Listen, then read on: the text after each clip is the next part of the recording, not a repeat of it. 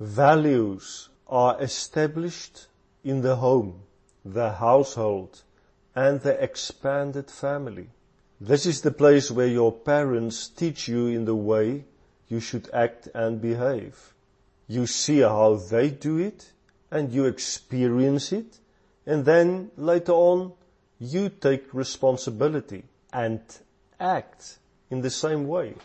Values are not only formed through seeing and hearing, but you have to experience it and take responsibility for the values.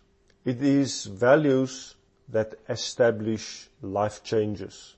Jesus taught kingdom values to his disciples. People do not live their lives based on sermons, speeches, or even on principles. They live according to their values. People hear values, like perhaps certain life principles. They see it lived out, and an example is set, and then it is experienced, absorbed, and internalized. And then people take responsibility and go and do the same. You see, often people know exactly what is right.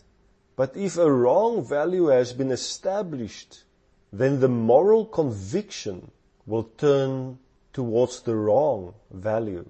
People may have learned through the years how to handle stress through the use of food, cigarettes, drugs, or aggression, and these become deeply rooted patterns. Through doing it repetitively, a value is established and you do not even think about it.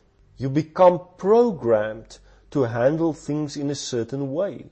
This confirms that the only effective training, practical training, is experiential teaching, where people are exposed to real life situations and where they are taught to take responsibility with regard to the situations presented to them. That is what we see in Jesus' life together with his disciples.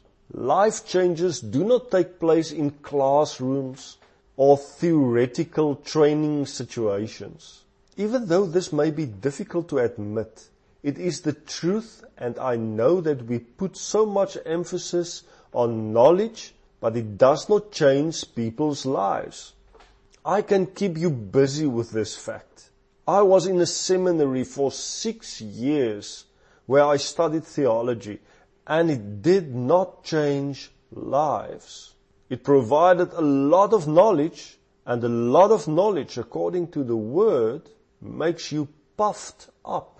Life changes also do not happen through sermons. The fact that the sermon comes from the Bible does not make it an effective way to change lives. No, relationships where values, kingdom values are imparted change people's lives.